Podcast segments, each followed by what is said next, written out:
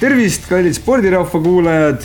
mina olen Marko Susi ja kui varem on meil stuudios olnud külalised, kellega ma olen teinud intervjuu formaadis saateid, siis tänane päev on pisut eriline. täna räägime jalgpallist, aga nagu ikka tavaks, siis ka seekord ei ole ma siin üksi. minuga on stuudios minu kursavend Mikko Pärn, tervist. Tere, Marko. nagu ennist mainisin, siis teemaks jalgpall ja kuigi kodumaa liiga on ka tänavu väga huvitav hetkeseisuga, kui heidame pilgu tabelisse, näeme, et esimesed kaks on nii nagu ikka Tallinna Levadia, Tallinna Flora, sealt juba tulevad Pärnu Vaprus, Tallinna Kalev ja teised. aga kuna Mikko ei ole kodumaa jalgpallis niivõrd pädev, siis pöörame pilgu välismaa poole ja alustame, alustame Inglismaa kõrgliigast. Mikko, räägi, mis, mis on sinu suhe Inglismaa kõrgliigaga? Äh, vaatan ikka mõned aastad, ütleme nii, siis ega mind väga kaua siin maa peal olnud ei ole ka. Äh, eelmine aasta vaatasin tihedamalt kui muidu, ehk siis võiks öelda, et on äh, semi okei okay pilt võib-olla isegi. semi okei okay pilt on see, millega juba rallit saab sõita. aga kui heidame pilgu tabelisse, alustame hooaja kokkuvõttest. Manchester City, no ei ole väga suur üllatus, et nad liiga võitsid aga see, millisel moel nad võitsid, et no enamus ajast ikkagi, eriti veel aasta teises pooles, Arsenal oli ikkagi, oli neist eespool, aga lõpus pandi endale kaikaid kodaratesse, takerduti seal Southamptoni otsa, kes lõpuks lõpetas hooaja viimasel kohal. ja lõppude lõpuks lihtsalt Arsenal jäi teiseks hõbeda peale. Mis sina arvad, kas nad saavad selle teise koha üle rahul olla? no nagu ikka, üllatajateks olid siis eelmisel hooajal äh, Londoni Tiku-Taku ja Toomas, äh, Arsenal, äh, Londoni Chelsea ja Tottenham siis. Tottenham ei suutnud isegi, mis siis on siis, konverentsiliigasse jõuda. Arsenal suutis ajaloolisel moel oma tiitliedu maha mängida, kui veel talvel neile sajapunktilist hooaega ennustati ja Chelsea lõpetas hoopistükkis kaheteistkümnendal kohal niimoodi, et riietusruumi mehed sisse ära ei mahtunud. riietusruumi probleem võib tõesti tekkida, kui sa tood koos lõppenud laenudega endale klubisse kakskümmend neli meest ja kulutad kõigi peale kokku kuussada üksteist miljonit eurot. see võib täiesti juhtuda, no kui me nüüd vaatame mehi, keda Chelsea endale tõi, Enzo Fernandez, kahekümne kahe aastane Argentiinaga MM-il väga hea mees aga klubis ei ole, ei ole seni veel näidanud, siis Mihhailo Mudrik, kahekümne kahe aastane ukrainlane, kelle eest maksti seitsekümmend miljonit. no Wesley Fofana, keskkaitse Leicester Cityst, kahekümne ühe aastane, kes maksis kaheksakümmend miljonit ja nii edasi, nii edasi.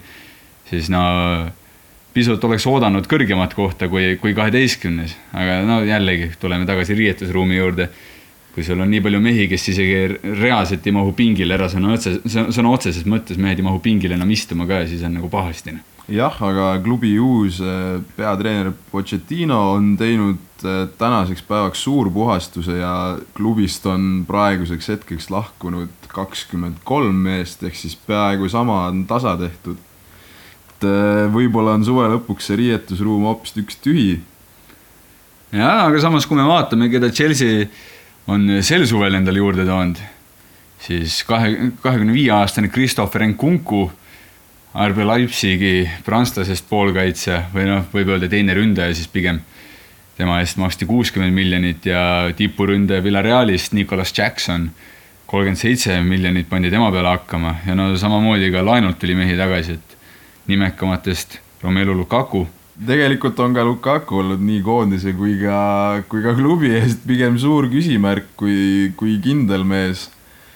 Äh, meistrite liiga finaalis ta isegi ei alustanud ja kui ta lõpuks platsile jõudis, siis pani sisuliselt tühjast mööda ja Belgia koondise eest MM-turniiril samamoodi.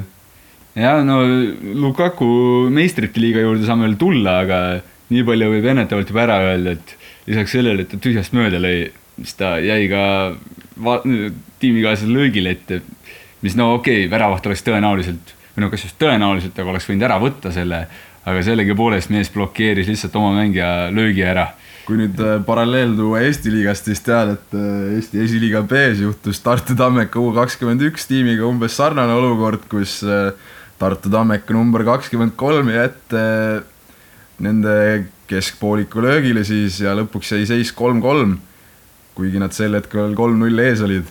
Jah, siin korral võib vist Siimu tervitada. jah. tervitused Siimule, hea löök oli, aga noh, halb päev. Äh, üleminekutest veel nii palju, et äh, Inglismaa siis suures nelikus on olnud huvitav trend, et äh, minu meelest kõik on endale juurde toonud ründavaid keskpoolikuid, et Manchesteris siis Mason Mount, Tottenhamis, noh, Tottenhami sinna suurte nelikusse vist enam ei loeta küll, aga tõid endale juurde Lesterist, kes nüüd alla kukkusid, Madisoni, Arsenal tõi endale Declan Rice'i ja City'sse, kes läks aitad sa mind välja? Matteo Kovacic läks City'sse. Kovacic, just nimelt. no Rice ja Kovacic pigem ründavad poolikud ei ole, aga Arsenali läks Havertz ka, kes okei okay,, ta on Chelsea's mäng, mänginud tipuründajana, aga no jah, sa võid panna elevandi ka külmkapi otsa, ta ei ole ikka külmkapi kaunistus, et ta on ikkagi elevant. elevant on elevant jah, tõepoolest. jah, aga kui noh, okei okay,, ründavad poolikud, kui me nüüd räägime ründava suunitlustega poolikutest, kes ära läksid, siis Cityl Ilkay Gündogan kes tegelikult hooaja lõpus, kui, kui muidu hooaja vältel Erling Haaland no oli selgelt Inglismaa kõrgliiga parim mees, võib-olla ka üle maailma parim mees, siis hooaja lõpus oli Gündogan see, kes Cityl kastanid tulest välja tassis. jaa, Gündogan kindlasti Manchester City keskvälja väga oluline mees ja eks näis, kes selleks mantlipärijaks siis saab, ma ei tea, kas Kovacic on päris see mees, kes selle augu seal ära täidab või mitte jah, no eks seal variante ole kindlasti selles suhtes. kui, kui me vaatame üldse mehi, kes Cityl poolkaitses olemas on, siis no Kevin De Bruyne kindlasti on üks, üks ja, meestest. De Bruyne täidab selle ründava poole siis yeah. City eest ära ja on seda teinud väga edukalt juba väga pikki aastaid. no justkui on ka Calvin Phillips pingilt võtta, aga no see mees pärast seda, kui ta Leeds Unitedist hästi pani ja Citysse tuli, nüüd pole eriti enam platsile saanud, samas Inglismaa koondisest on ja no nüüd on, kui me võtame kuue rolli, siis äh, saab ka John Stonesi sinna lükata ja no Rodri saab siis sisuliselt ettepoole tuua, aga no see on jällegi küsimärk, aga kui, kui võtta seda, et Kovacic versus Gündogan, siis Kovacic kindlasti eelmisel hooajal nii hea ei olnud, aga samas, kes, kes Chelsea's oli üldse nii hea? no Manchester City'ga on kindlasti ka see, et äh, kui vaadata, kes neil seal eesotsas on, siis ma usun, et mingi lahenduse nad kindlasti leiavad, et Peep Guardiolal on äh, pigem ma arvan, meeldib, kui ta seda valikut seal keskväljal on. pigem, pigem on rahul sellega. aga, aga kes veel üleminekuturul tegusid teinud on, on Newcastle United. Klubi siis, kes eelmine hooaeg väga suure üllatusena lõpetas esinelikus, küll, küll neljandal kohal, pikalt olid kolmanda koha kursil, aga, aga sellegipoolest Newcastle tegi tegusid ja selle peale nad tõid endale kohe ka Itaaliast AC Milanist Sandro Donali noor kahekümne kolme aastane poolkaitsja kuuekümne nelja miljoni eest. iseenesest väga hea tehing, aga selline mulje on, on jäänud, et Donali ise väga ei arva, et see hea tehing oli, et äh, nii palju kui näha on olnud klippidest, kus no üks oli selline ka, kus ta mingi rääkis jõusaalist ja siis tal naine ütles kõrval, et see on ju suurem kui AC Milanis oli jõusaal ja siis Donali ütles, et ei. Milani jõusaal oli parem põhimõtteliselt, et vend on kuidagi nagu pettunud selles. kujuta ette ikkagi, minul on just sellest tehingust jäänud see mulje, et äh, kui räägiti siin mõned aastad tagasi sellest superliigast, mida taheti teha, mis lõpuks ära jäi, siis tundub, et see liiga on olemas juba praegu Inglismaal. kui Donali, eh, keda seostati igasuguste Itaalia legendidega, kes eluaeg on mänginud ühes klubis, siis nüüd ootamatult tulla sisuliselt eh, ütleme siis noh, tavalisel aastal võib-olla Inglismaa tugevuselt kaheksandasse tiimi, eelmine aasta muidugi jah, jäid neljandaks yeah., üllatasid, siis noh, on näha, et see jõustruktuur hakkab kuidagi muutuma maailma jalgpallis. ja no see superliiga on üldse teine teema, selle kohta oleks võinud ka veel eraldi raadiosaate teha. Aga Newcastle, ma ei ütleks, et nad, nad nii üllatavad olid selles suhtes, et noh, uued omanikud, okei okay,, nad ei toonud väga palju mängijaid endale juurde. selles suhtes ma saan aru, et üllatavad, aga, aga uued omanikud tundub, et on selle asja enam-vähem hästi käima pannud ja, ja no samamoodi treener Eddie Howe, ta on suutnud meeskonna panna hästi mängima ja tegelikult eelmisel hooajal Newcastle, kuigi vinguti, et ma ei tea, venitavad aega ja mängivad seal, teevad tsirkust, aga tegelikult Newcastle oli minu meelest mängupildi poolest ka päris, päris hea sats. no kaitsev jalgpall ei pea olema halb jalgpall, isegi kui see võib vaatajale olla mõnikord igav. Äh, teame ju näiteid tuua ka Premier League'ist endast, kus Mourinho pikki aastaid oma bussi parkimist on teinud ja Itaalia liiga oli ju väga pikki aastaid maailma parim liiga, mis on alati olnud tuntud just oma kaitsemängu poolest. ja, ja no Mourinho igal pool mujal ka suutnud oma kaitsemängu ja kontrarünnakute pealt tegusid teha. aga no samamoodi Newcastle United eelmine hooaeg Tottenham Hotspuri vastu, mille kohta võib öelda, et võib-olla selle mänguga Nad lükkasid Tottenhami sealt suurest seltskonnast välja ja võtsid selle koha endale. no see on okei okay,, see on mingil määral natukene ennatlik, sest et ühe aastaga Rooma linna ei ehita. aga mäng, mis toimus siis aprillikuus, Newcastle pani Tottenhamile kuus-üks, pani ära ja no nii lihtne see mäng oligi, et esimese kahekümne ühe minutiga oli juba seis viis-null ja kuulame, kuulame ööbikuid, noh kindlasti veel üleüldiselt Inglise klubide kohta saab öelda seda, et nende jaoks ei ole üleminekute aken veel lõppenud, et siin on, ma arvan, veel nii mõnigi suur tehing veel, veel soolas, siis ütleme nii. jah, täna, kaheteistkümnendal juulil ehk siis päev varem, kui saade eetrisse läheb, mil me seda salvestame, seostatakse Manchester Unitedit Interi väravahi Andre Onanaga, kes äh, väga kõva väravaht ja noh, neljakümne miljoni kandis umbes seostatakse, et noh, see üleminekusumma jah ja., sest tuli ju suur uudis, et äh, David De Gea peale, mis oli siis ühteteist ja kümmet aastat äh, lõpetab Manchester Unitedis. sest äh, paljud ja igasugused eksperdid ja niisama teleka tagant vaatajad on äh, De Gea kohta öelnud, et äh, ta ei mahu tänapäeva mängu ära, kus on oluline, et äh, väravavaht suudab ka jalaga mängida ja just, no see täpsustus ka, et kaks tuhat üksteist ühines, ehk siis kaksteist aastat aga tegelikult ka De Gea mängus on see probleem küll suur, et ta on veits aja hammasrataste vahele jäänud, tal ei ole jalaga mängu ja peatreener Erik ten Haag, kes väga viljeleb just seda palliga mängu jalgpalli, kus tagant alustatakse ja väravaht on nagu rünnaku üks lüli, siis tema mängujoonises De Gea ei saa hakkama. Ja sellepärast ta pidi ka eelmine hooaeg oma joonist muutma. Ja nii palju, kui ikkagi De Gea palli sai, et jalaga mängida, siis sealt nagu väga, väga palju midagi uhket ei tulnud kui nüüd gigantidele veel hagu anda, siis kui neil paar hooaega tagasi alustas keskkaitses äh, Harry Maguire, siis sealt ei saanudki midagi muud tulla kui katastroof, kui sul on kaks sellist meest väljakul. jah, no selles suhtes, et kui Maguire Unitedisse läks, kerge nostalgiatripp nüüd, siis ta tegelikult esimene hooaeg oli väga hea või noh, hea, väga hea nüüd ei saa öelda, aga ta oli hea. aga pärast seda ei ole nii hea olnud. ja kui nüüd Onana näiteks tuleb väravavahiks kes suudab ka palliga mängida, see võtab vähe survet Maguire'i pealt ka ära ja siis võib juhtuda, et see kaheksakümmend miljonit või palju ta oli maksnud suur keskkaitse hakkab nüüd ka mängumeheks, aga aga samamoodi võib olla ka, et ei, ei juhtu. jällegi võib juhtuda, et ta on juba see huvi, suvi siit äh, Manchesterist läinud, aga kunagi ei või teada igal juhul kindlasti julgen pakkuda, et Manchesteri mäng järgmine aasta on äh, esimeses kolmandikus märksa dünaamilisem kui läinud hooajal. jah, see on väga õige, see on, dünaamilisus on see hea märksõna, millega Unitedi juttu kokku võtta. aga kui me vaatame nüüd uude hooaega, siis eh, mis sa arvad, kes satsidest võib välja kukkuda, et nüüd uued tulijad on eh, Sheffield United, Luton Town ja Burnley mul on tegelikult äh, pigem madalad teadmised selle kohta, kuidas äh, championship'i klubid äh, sel hooajal mänginud on, aga Luton Town on üks haruldane klubi, tahaks lihtsalt öelda. see, et sa pead sisuliselt kellegi majast või hoovist läbi tulevaid staadionile jõuda, on ikka erakordne ja juba sellepärast ma vähemalt loodan, et nad üheks hooajaks Premier League'i püsima suudavad jääda. Ja see, see on tõesti põnev, kes praegu kuulab minge pange Youtube'i otsingusse lihtsalt Luton Town Home Stadium ja te näete, te näete vaatepilti, mida te ei kahetse, et te seda nägite.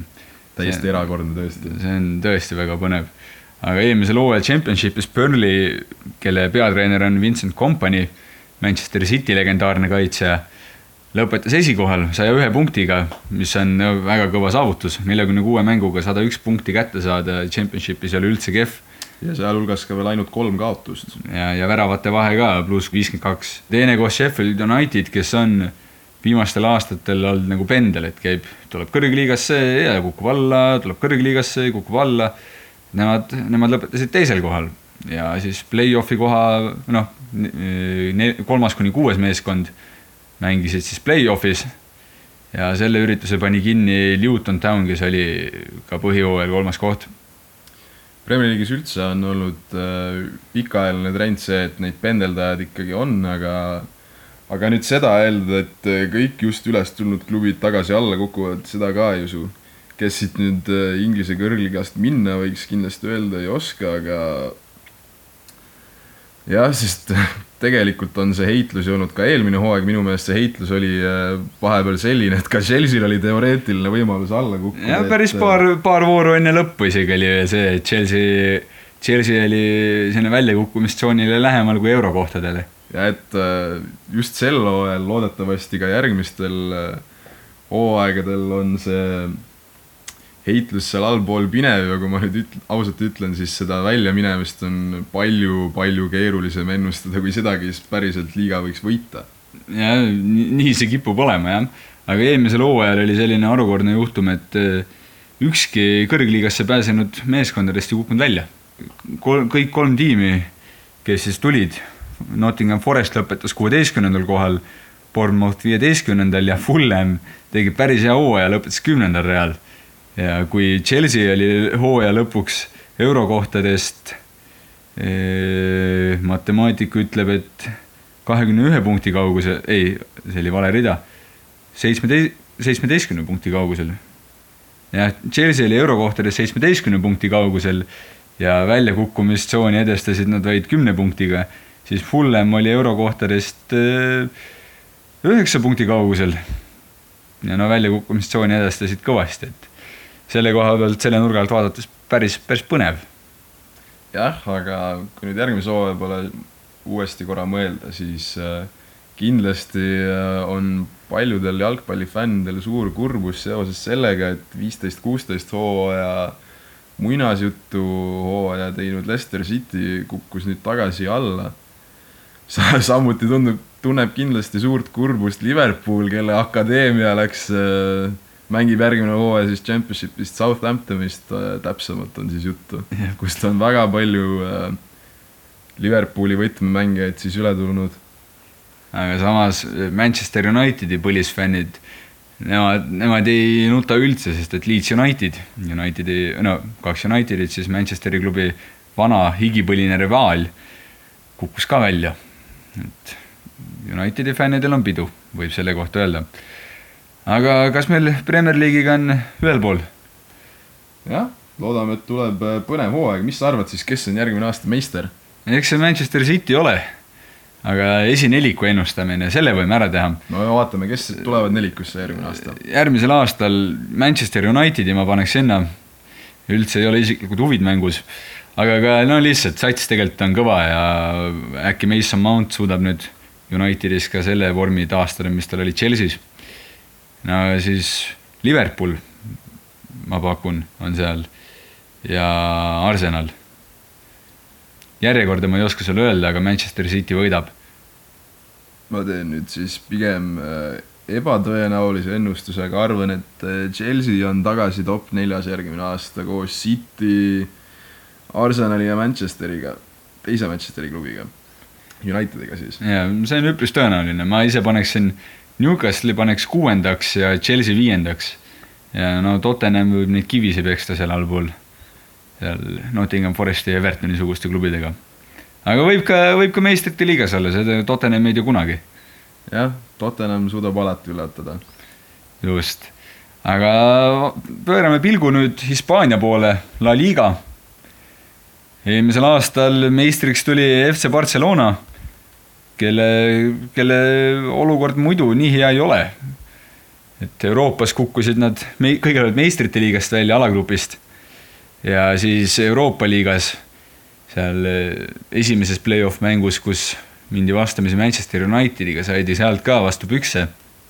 aga liigas tegid puhta töö, kümne punktiga tipus, nende järel Real Madrid, nendest punkti kaugusel Atletico Madrid ja neljas Real Sociedad, ehk siis need neli meeskonda mängivad uuel hooajal ka meistrite liigas.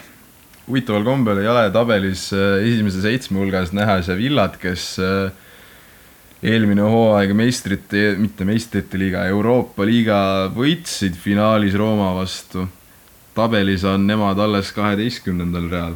jaa, aga noh, nemad mängivad samuti meistrite liigas, et see, see on üpris huvitav.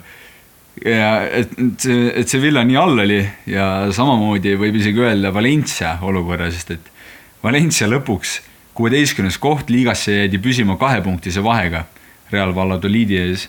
aga minu jaoks on ääretult huvitav, et klubi, kes oli veel kahe tuhande kaheksateistkümnenda ja üheksateistkümnenda hooajal meistrite liigas või noh, lõpetas siis eh, tolle hooaja neljandal kohal Nemad eh, tänavu siis kuueteistkümnendal real ja jäid napilt kahe punktiga liigasse püsima. et see on, see on põnev. ja ega seal vist olukord väga paremaks ei ole minemas ka, sest et omanikud ei ole fännide meelest klubisse eriti pühendunud ja üleüldiselt see, see, see ei ole hästi. La Liga puhul tahaks ikkagi näha seda, et selle kahe võidusõidu hobuse kõrval, kes on siis Barcelona ja Real Madrid, tuleks ka keegi teine vahelduseks üllatama. sest äh, aastast aastasse olnud need kaks klubi alati seal eespool ja need keskmikud, keda, kes on olnud ka suhteliselt sarnased alati, ei ole jõudnud üle selle, üle selle piiri, et sinna tiitliheitlusesse sekkuda, ainuke, kes on lähedalegi jõudnud mõnel korral, on siis Atletico Madrid. ja kas mitte Atletico Madrid ei võitnud seda mõni aasta tagasi? ma võin nüüd eksida, aga ma olen üpris kindel, et mõni hooaeg tagasi Atletico Madrid võitis, võitis Hispaania liiga ära. jah, kaks tuhat kakskümmend, kakskümmend üks Atletico Madrid võitis äh, meistritiitli ja enne seda oli kolmteist, neliteist. jah, aga seal vahepeal on olnud tükk aega tükk küll, aega tühja maad, kus on olnud jälle ainult kaks giganti, et selliseid hooaegu lihtsalt ütleme nii siis, et tahaks võib-olla rohkem näha. ja, seda kindlasti jah kus. seda pinevat heitlust tiitli nimel oleks näha mõne teise klubi poolt. sest no okei okay,, tänavune hooaeg oli igatepidi lihtsalt äh, ühe hobuse võidusõit, et Barcelona oli üksi rajal, teised olid põõsas, no eelmine hooaeg oli samamoodi, või no hooaeg enne seda, siis võitis Real Madrid. aga see kakskümmend, kakskümmend üks, see oli jah, Atletico Madridi aasta, mil Barcelona oli kolmas, Real teine ja Atletico esimene. aga ka lähiajalugu on ju näidanud tegelikult seda, et äh, Real Madrid on eelkõige meistrite liiga klubi ja Barcelona domineerib äh, La Ligas. tiitlid on äh, mõlema, Realil siis kordades rohkem meistrite liigas ja vastupidi Barcelonal La Ligas. ja just nii on, et Barcelonal liigatiitleid on kakskümmend seitse läbi ajaloo. kahe, kahekümne seitsmel korral siis Hispaania meistriks tuldud. aga meistrite liigat võidetud vaid neljal korral, siis no okei okay,, vaid. see on ikkagi väga kõva number. aga, aga kui me võtame nüüd Real Madridi kõrvale. kes on juba viimase kümne aasta jooksul suutnud võtta viis meistrite liiga tiitlit, siis noh, ja see, see olukord on, see olukord on huvitav, et Real Madridil kokku kaheksa meistrite liigat ja kui me lisame sinna juurde klubide Euroopa meistritiitlid, ehk siis ajal, mil meistrite liigat veel ei olnud, siis on kokku neil neliteist karikat, okei okay,, nad, nad on Hispaania meistritiitleid võitnud Barcelonast rohkem, kolmkümmend viis korda, aga aga kui me nüüd hakkame vaatama, kui mis ajal need kui just lähiajaloost rääkida, siis jah, ja kui me hakkame nüüd vaatama, mis ajal need tiitlid tulid, siis kaks tükki enne teist maailmasõda ja siis äh, viiekümnendatel või noh, kuuekümnendatel, ma ei tea, kumb see õige on, igatahes aastaarvud, mis hakkasid viie, no mingi viiskümmend kolm, viiskümmend neli näiteks sealt edasi. selles vahemikus nad võitsid neli tiitlit ja tänavusel sajandil on nad võitnud ainult, ainult kaheksa Hispaania meistritiitlit. kui nüüd tulla mitte nii huvitavast äh, liigatabelist äh, üleminekute juurde, siis äh, naljakas öelda, aga loodus tõepoolest ei salli tühja kohta, kui nüüd mõned päevad tagasi kauaaegne Barcelona legend äh, vanas eas siit ilmast lahkus ja ka teine Luis Suarez, kes hetkel mängib äh, Uruguay's, kes samuti Barcelona eest mehetegusid tegi, siis äh, tänavusel hooajal on tulnud La Ligasse uus Luis Suarez, kes on siis äh, Kolumbia Hispaania päritolu ja mängib äh, Almeria eest.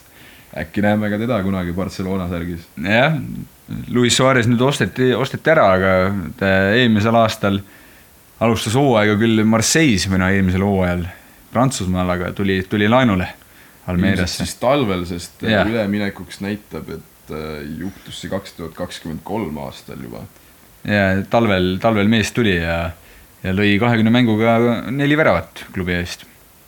et tubli, tubli näitaja. aga kui veel vaadata üleminekuid, siis, siis FC Barcelona, kes siin on suurtes raharaskustes su, suudab ikka mängijaid tuua. Ilkay Gündogan, kellest ka enne main-, juttu tegime pisut, tema toodi nüüd juurde ja siis Inigo Martinez, keskkaitsja Atletico, Atletic Bilbaost toodi samuti. jah, huvitav on märkida, et äh, Robert Lewandowski ja Ilkay Gündogan mängivad nüüd peale kümmet aastat jälle samas klubis koos kui nad veel kümme aastat tegid tegusid koos Borussia Dortmundis, võitsid koos kaks liigatiitlit, siis nüüd on neil võimalus oma edulugu Barcelonas jätkata, küll hilisemas vanuses. Just, aga no vanade aegade mälestuseks hea küll, võiks, võiks Kötse ka tuua juurde ja ja, ja siis noh ro, ro, Royce pigem ei tule kuhugi. Royce ei lähe kuskile. see, see mees lõpetab karjääri tõenäoliselt Dortmundis aga kui rääkida mängijatest, kes Barcelonast ära läksid, siis ajastu on läbi saanud, võib öelda vist. sest et Sergio Busquets ja Jordi Alba, kaks legendaarset Hispaania mängumeest, kolmekümne nelja aastased, seadsid, seadsid jalad alla ja läksid minema. Busquets siis liitus sama klubiga, kus on Lionel Messi, Inter Miami või Miami Interis ja Jordi Alba väidetavalt on ka teel sinna. jah, Inter Miami siis David Beckhami äh, klubi äh, ja tulles, tulles tagasi korraks Premier League'i juurde, siis äh, mis ta eesnimi oli, Romero Beckham mängib järgmisest hooajast Wolvesis. veel lisaks selline fakt. ja ta tuli juba eelmise hooaja ajal, läks Brentfordi duublisse. Ja, ja siis sealt nüüd saame edasi, tõenäoliselt on Wolvesis ka duublis, sest et ta ei ole nii kõva mängumees, aga no mine tea. äkki ühel hetkel saab platsile. jah, isa tippude ilmselt ei küündi, aga solid rotation player võib temast äh, täiesti vabalt Inglismaal saada. just, ja kui me nüüd läheme ühe Hispaania hiiu juurest teise juurde, lähme pealinna, siis Real Madrid, kes hooajast kaks tuhat seitse, kaheksateist, kaks tuhat seitseteist kuni kaheksateist, kuni siis selle üleminekute akna alguseni, suutis kulutada vähem mängijate peale raha, kui nad müügist teenisid. aga nüüd sel suvel on rahapakid normaalselt lauale löödud. esmalt toodi saja kolme miljoni eest Jude Bellingham Dortmundi Borussiast, mängumees, kes sai juuni lõpus kahekümne aastaseks, Inglismaa keskpoolkaitsja. kindlasti kõva mängumees, mis sina arvad, kuidas, kuidas tal Realis võib minna? kes seda ette oskab näha, aga faktid räägivad enda eest, et eelmisel hooajal oli ta Bundesliga parim mängija, vanustanud tõepoolest ainult kakskümmend eluaastat ja ka Inglismaa koondise eest on ta juba põhimees kindlasti ja üks võtmemängijaid samuti. vigastused võivad igaüht äh, kimbutada ja samuti iga, võime ju öelda, et äh, et iga mängija jaoks ei ole iga liiga loodud, küll aga ei usu, et äh, Bellingami suguse klassiga mehega selline asi juhtub, aga kunagi ei tea. jah, no ma arvan, et Hispaania liiga kuidagi sobib mängijatele rohkem, kui me oleme, kui me vaatame üleminekuid, kes on Hispaaniasse läinud mängijaid, siis seal on vähem selliseid olnud, okei okay,, no Eden Hazard ja paar venda on ikka, aga aga Hispaanias mehed saavad pigem hästi hakkama, kui nad on tehniliselt head. See võib pigem Inglismaa liigaga olla, kui sa oled tehniliselt osav, aga füüsis on pisut kehvem, et siis võib raskusi tekkida. Hasardil pigem, äh, pigem olid igasugused muud probleemid, küll oli tal kaalu palju ja sellest tulenevalt hakkasid ka igasugused vigastused teda kimbutama.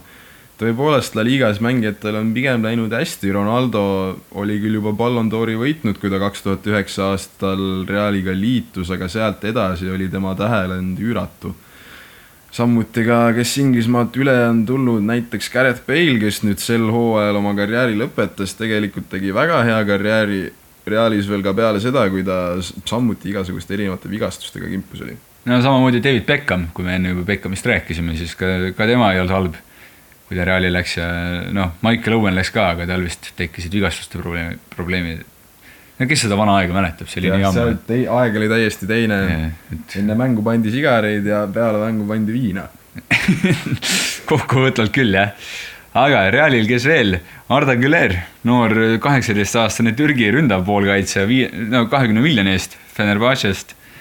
sellest võib ka kõva mängumees tulla ja ta juba on Barcelona fännid välja vihastanud, sest et Barcelona fännid ootasid, et Güler läheb nende juurde olid igasugused kõlakad ka, et mees on sinnapoole teel, aga võta näpust. noh. Läks hoopis Reali ja, ja nii on. jah, nagu ka Luis Figo saga kunagi oli, kus ta juba Barcelona särgis ütles, et jääb koju, aga siis nädala pärast oli teel lennukis Madridi poole. elu on selline, tuleb ära harjuda. aga samuti Real tõi endale Hispaaniolist Joselu, kes, kes on küll kolmekümne kolme aastane, vana mees, tipuründaja, aga alles tegi Hispaania koondises debüüdi ja nüüd normaalselt lööb väravaid. et kus ta nüüd Rahvuste Liiga mängus, kas see oli poolfinaal, kus ta lõi ka võiduvärava ja kui ta debüüdi tegi, pani esimeses mängus Norrale kaks tükki tal oli mingiks hetkeks oli kolmest mängust kolm väravat koondisest. justkui selline hiline sära ja natuke vanem küll kui toona Jamie Vardi, aga yeah. kohe tuli see paralleel meelde. Rääkides veel Hispaaniast ja Realistist täpsemalt, siis sarnaselt Barcelonale paistab ka seal olevat ühtemoodi ajastu lõpp, sest kauaaegne klubi legend Karim Benzema läks suurte rahade eest Saudi Araabia klubisse Itihad. jah no Saudi Araabia liiga on üldse praegu rüüster hetkel, igasuguseid tähendusid toovad endale, N'Golo Kante toodi ka Chelsea'st ja veel mitu, mitu kõvat mängumeest, aga aga kui, kui veel rääkida meestest, kes on pikalt Realis olnud ja ära läinud, siis Marco Asensio, kahekümne seitsme aastane ääremängija, täitsa hea mees, läks nüüd lepingu lõppedes Pariisi, BSG-sse jah, nende vaba üleminekutega on äh, Real ise võtnud üsna mitu väga, väga korralikku meest ära ja nüüd said ise vahelduseks sellega vastu näppe, et neilt Benzema ja Asensio minema siis viidi, aga tühja kohta sinna kindlasti ei jää. pidev äh, jutt juba mitmendat aastat järjest on seoses Kylian Mbappe üleminekuga, mille kohta kunagi ei tea, mis sealt saada võib. ja mingid kõlakad olid see ka, et äh, Mbappe ei taha BSG-st lahkuda, tahab tasuta minna tal on aasta lepingut järel veel, aga väidetavalt pidi klubi tegema kõik selleks, selleks, et mängija sealt selle tolmu jalgadelt pühiks ja, ja läheks Hispaania poole teele. jah, sest äh, kui juba korraks BSG peale juttu läks, siis äh, tõid nad ka kahekümne ühe aastase asenduse juba Mbappele, samuti Prantsuse mees, nii palju kvaliteeti küll äh, selle vanuse kohta ei ole, kui Mbappel sinna minnes oli aga eks saab näha, mis seal Pariisis, äh, Prantsusmaa pealinnas järgmine aasta saama hakkab. jah, seal BSG-s ongi uus, uus poliitika võetud siis nii-öelda üleminekutega, peatreener ka Luis Enrique, kes Barcelonaga tegi tegusid ja oli ka koondise peatreener. ja keskväljale toodi nüüd Manuel Ugarte, noor, noor uruguaylane Sportingust, keskkaitses kahekümne seitsme aastane prantslane Lucas Hernandez ja siis äh, pikk rida kas tasuta mängijaid või noori veel, et Milan Skriniar näiteks Interist tasuta keskkaitset, see on hea mängumees. aga kas vaatame, teeme väikse ennustuse ka Hispaania liigale? noh, teeme. Et äh, alustan siis kohe ära, et äh, see esimesed kaks Barcelona ja Real on kindlasti jälle tipus, et mürki küll ei võtaks selle peale, et nad seal on, aga aga tõenäoliselt jah, on jälle nii, Atletico ilmselt kolmandana ja ma ei tea, on üldse mõtet neljandat kohta öelda, kui keegi jälle Euroopa liiga võidab ja niikuinii Champions League'is lõpetab. selles suhtes väga, väga vist ei ole mõtet jah, et see Villa raudselt kukub meistrite liigast välja, alagrupist läheb Euroopa liigas, paneb jälle kogu ürituse kinni ja teeb hundi rattaid. või teeb, no Villareal sel aastal jah, ei ole küll, aga. jah, no Villa, Villareal on Euroopa liigas. on ikka jah? ja nad lõpetasid viiendana, et seal, seal võib ka tulla aga, aga ma ei tea, ma ise ütleks samamoodi. alguses sama, Barcelona võidab tiitli tõenäoliselt, Real teine. ja neljas, eelmine hooaeg oli Real Sociedad. ma panen Villareali no,, lahedad särgid on see. paneme lukku ja jääme nõusse. paneme lukku ja jääme nõusse, aga vaatame ka teised liigad, teeme nüüd kiirkokkuvõtte teiste liigadega, Bundesliga, kus no Dortmundile serveeriti ilusti koogiladrik ette, kõigepealt oli praed, tõmmati seal praekartult ja Kiievi kotlett ja siis pandi sefiiritorti talle laua peale, söö ära, söö kõht täis. Ja Dortmund hakkas viimases voorus sööma, kõik oli hästi ja siis tõmbasid selle koogi endale särgi peale ja siis mõtlesid, et sellest ei väheks. võtsid selle Kiievi kotletist selle õli, mis seal taldriku peale jäi, valasid mm -hmm. selle ka endale peale ja lõpetasid teisel kohal liiga. ja siis tuli veel teisest toast äh, Müncheni Bayern, kes lõid neile ka selle teise koogi veel näkku ja võtsid selle tiitli nina alt ära. ja reaalselt nii see oli. ma arvan, et see on kõige parem selgitus sellele. Et jah, mõlemad meeskonnad, mõlemad klubid lõpetasid seitsmekümne ühe punkti peal, aga enne viimast vooru Dortmund oli kahe punktiga või ühe punktiga Bayernist ees või kahe punktiga, kahe punktiga mm -hmm. jah, kahe punktiga oli, ei oota. jah, ei kahe punktiga vist. igatahes ja vahet ei ole, Bayern oma mängu võitis ja, ja Dortmund mängis viiki. aga no üleminekutest seal väga palju rääkida ei ole. Bayern jälle korjab seal koduliiga mehi endale kokku. Ja laenult tuli Savitser Manchesterist tagasi, kes sai seal olulist rolli hooaja teises pooles mängida Uh, huvitav jutupunkt võib-olla Bayernil on Sadio Mane, kes on väga palju oma väärtusest kaotanud, kellest äh, kuulduste kohaselt vabaneda üritatakse. no seal tekkisid ka muud probleemid seal sisekliimaga, kui väidetavalt Saane oli või Maane pani Saanele luuki. Või oli vastupidi, vist Maane, Maane vist ise virutas seal ära pärast mängu. ma ei mäleta, kumb, ühtepidi see oli igatahes pärast meistrite liiga mängu, kui Citylt äh, kolki saadi, siis läks riietusruumis väikseks kismaks ja. jah, ja hooaja keskel toimus ju ka treenerivahetus, kus yeah. Äh, Nagelsmannilt võttis siis üle teine sakslane, Toomas Tuchel võttis äh, ja hooaeg ei läinud äh, meistrite liigas siis vähemalt peale seda paremaks, aga tõenäoliselt saadi lahti mingitest sisepingetest vähemalt mingil määral ja nüüd on see suvi siis aeg, et seda asja seal klubis veel klaarida. no seal juhtkonnas tehti ka muudatusi, mis oli muidugi väga inetu, et enne viimast vooru, et äh, Oliver Kahn oli üks neist minu meelest, kes seal kinga sai, spordidirektor. Su enda klubi legend ja siis sa lased enne viimast vooru lahti, oota see viimane mäng ära, las ta ka saab sellest tiitlipeost osa.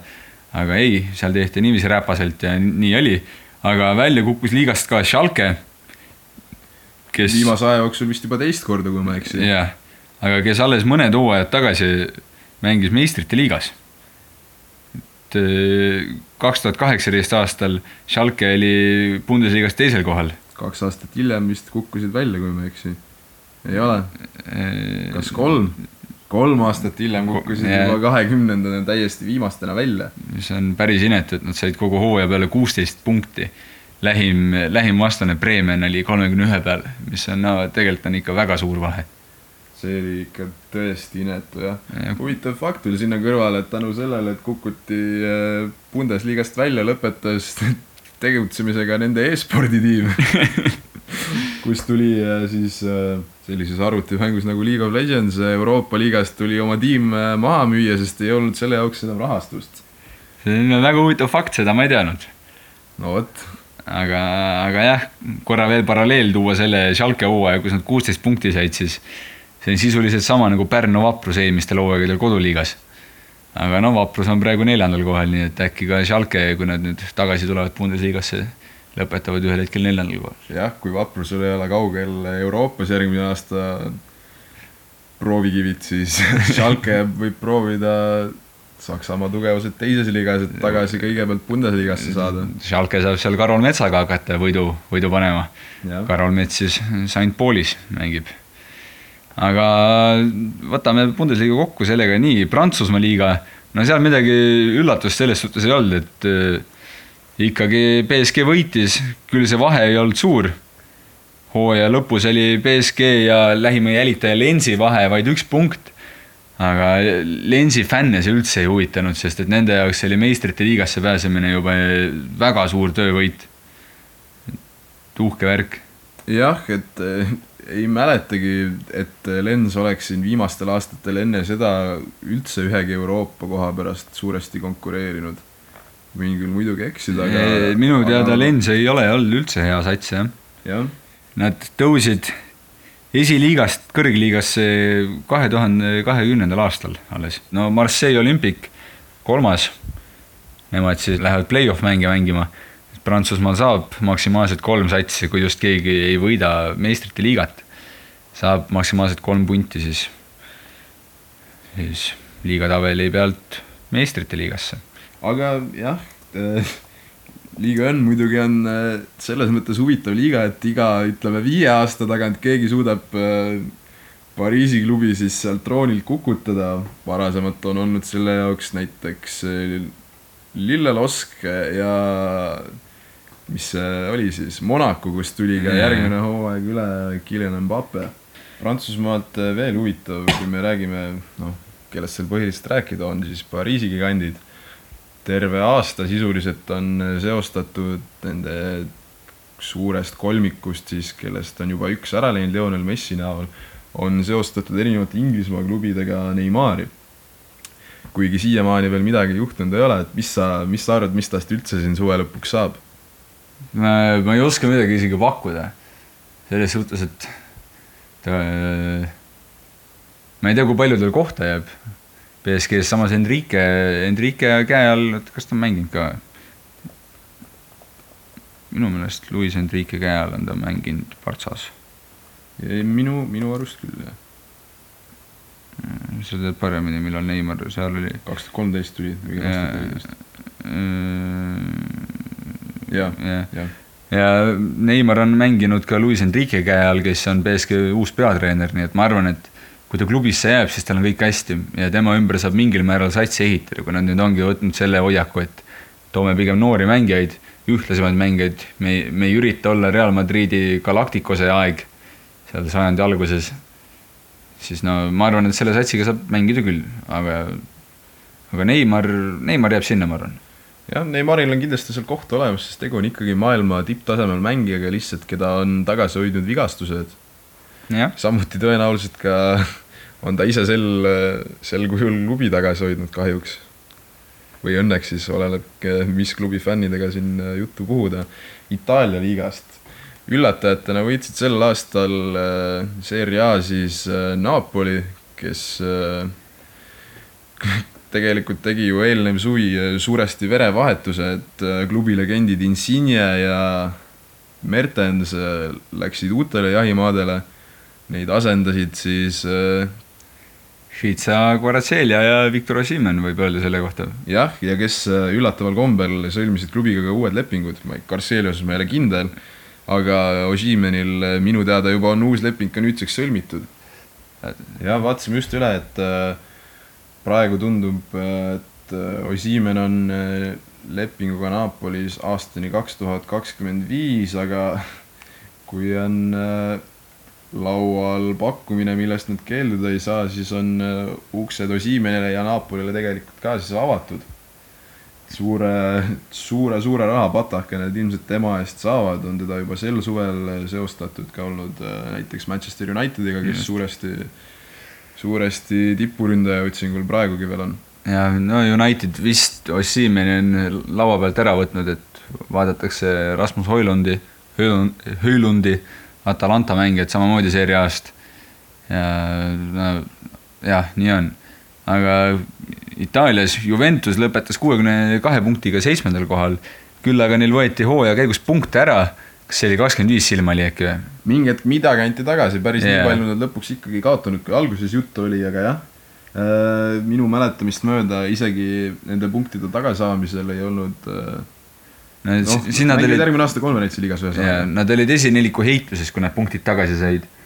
aga no nüüd nad on kindlalt väljas sellest, et esinelikus lõpetasid teisel kohal Lazio, kolmas Inter ja neljas AC Milan ja Inter ja Milan nüüd jäävad oma pikaaegsest kodustaadionist ilma, San Sirost, see lammutatakse maha.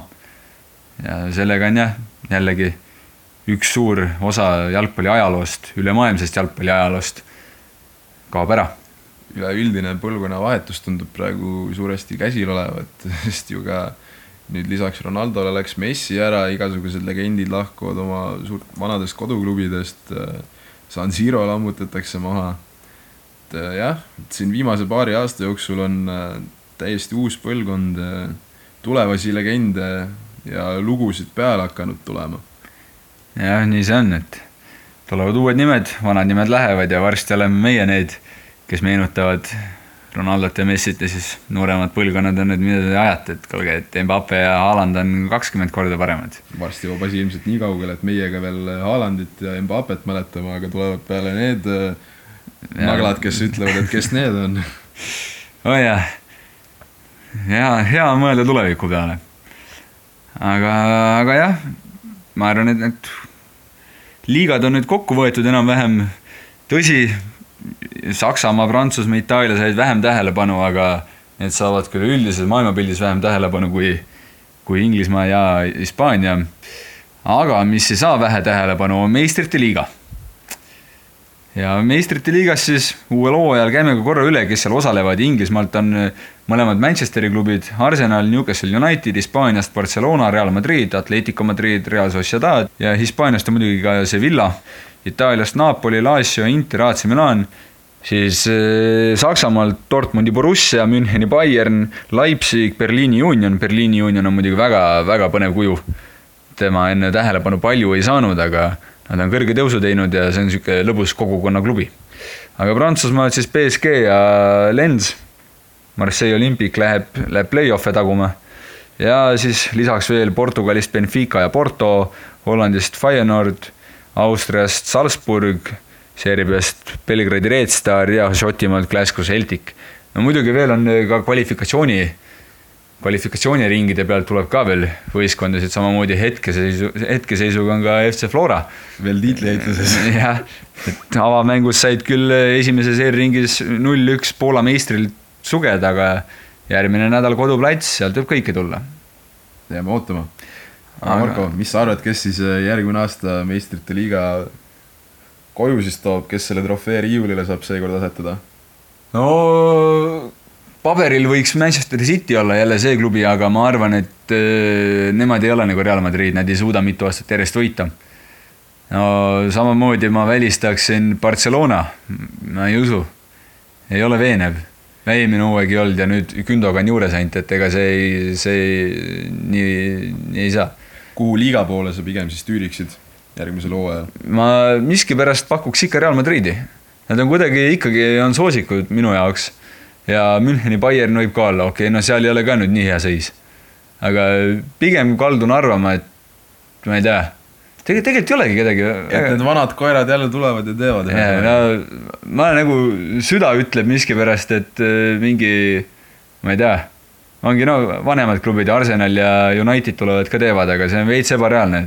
et Arsenal võib midagi teha, aga väga ei taha uskuda, et klubid, kes on siin kõikunud Euroopa liiga, meistrite liiga vahelt eelmine, eelmine hooaeg mängisid Euroopa liigas. veits keeruline uskuda, et nad kohe meistrite liigas tegusid teevad, aga, aga selle pika joru lõpetuseks ma ütlen Manchester City või Real Madrid. Ma isiklikult olen olnud siin juba pikemat aega Itaalia liiga tõusu suur pooldaja, ka sel aastal on ju näha olnud, et äh, finaalis mängis üks Itaalia klubi, aga poolfinaalis mängisid äh, Milani klubid omavahel. Napoli lõpetas küll oma teekonna varem, kui saadi AC Milanilt, mis see oli siis, kas nad koduväljakul siis kaotasid oma eelise või? igatahes veerandfinaalis kaotati AC Milanile ja kuna nad ka kogu oma tuumiku peale siis äh, korealasest keskkaitsja, kes neil seal Bayernisse läks, äh, kaotasid ainult tema, siis äh, panen suured lootused ka järgmine aasta nende peale ja pakun tiitlipretendiks neid. ja ma isegi sügisel ütlesin eelmine aasta või see oli talve algus, et ma pakun Napoli võitu ja ma olin selles ülikindel, aga kuna nad kaotasid, siis ma nüüd kaks aastat järjest ei julge, ei julge pakkuda. Aga, aga mis üllatused olid lõppenud hooajast? meistrite liiga üllatajad konkreetselt. Eh, no minu jaoks oli ka see üllatus, et eh, Napoli ei suutnud ennast kokku võtta Äh, aga positiivse üllatuse poole pealt äh, Inter Milan kindlasti, äh, finaalis küll üle finišijoone ei vedanud ennast välja, aga, aga seda, et nad finaali üldse jõuavad, mina küll ette ei osanud arvata. Ja üleüldiselt isegi Euroopa jalgpalli mõistes võib öelda, et Itaalia klubid on nagu üllatasid väga hästi, sest et kõigis kolmes eurosarjas olid Itaalia klubid finaalis, okei okay,, nad said kõik tappa, aga kahel korral siis Inglismaa klubidelt, City võitis üks-null meistrite liiga finaalis konverentsi liiga finaalis võitis West Ham Fiorentinat ja Euroopa liigas Sevilla, no kes muu, alistas Rooma penaltiseerias. Ja mina tundsin siis suurt kurbust no minul oli pisut valus. aga, aga jah, Itaalia klubid ja positiivse üllatuse pealt võib veel seda tuua, et Manchester City dominants. sest et tegelikult see oli, see oli pisut ootamatu, küll paberil oli seda nagu paberil võis seda hooaega Jaa. enne hooaega küll oodata aga aga- niimoodi, et poole hooaja pealt äh, järsku midagi muutus, võideti liiga, siis äh, Inglise karikas ja ka veel äh, meistrite liiga, et seda ma arvan, ei oleks äh, jaanuarikuus osanud mitte keegi oodata. ja, ja see, kuidas nad Real Madridist üle sõitsid ikkagi, see oli no, need skoorid ei olnud nüüd nii hullud, aga, aga see oli ikkagi kuidagi mängupildi poolest. Real Madrid, kes eelmine hooaeg suutis sellised mängud enda kasuks pöörata ikka kuidagimoodi. või noh, hooaeg enne nüüd viimast, aga viimasel hooajal ei tulnud. ja Jaa. Reali, Reali pilt nendes mängudes tõepoolest oli ikka, no ütleme, ütleme mannetu siin paremini Jaa. öelda kahjuks ei saa.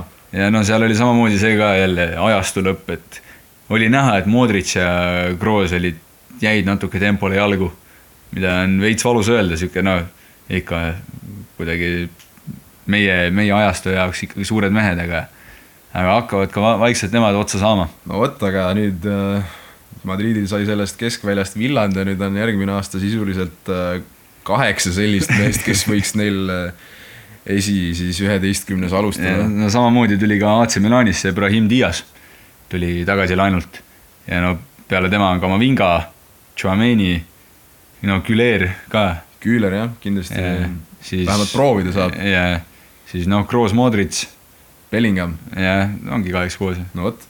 ja seal raudselt on mingid vennad veel, aga ei tule meelde praegu.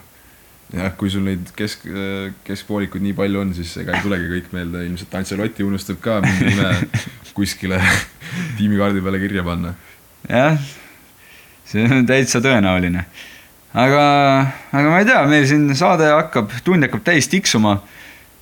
saime pisi, pisikese kokkuvõtte teha lõppenud hooaegadest välismaal ja väike eelvaade ka siis selleks, mis tulla võib mm. -hmm. pisut juttu üleminekutest, aga no või võib siin käsi südamel öelda, et raudselt tuleb veel neid üleminekuid ja jah, kui korra sai mainitud eh, Florat eurosarja esimeses eelringis, siis kui te kuulate seda kolmeteistkümnendal juulil eetris seda saadet, siis selleks ajaks juba teame ka, kuidas Paidel Fääri saartel läks esimene kohtumine.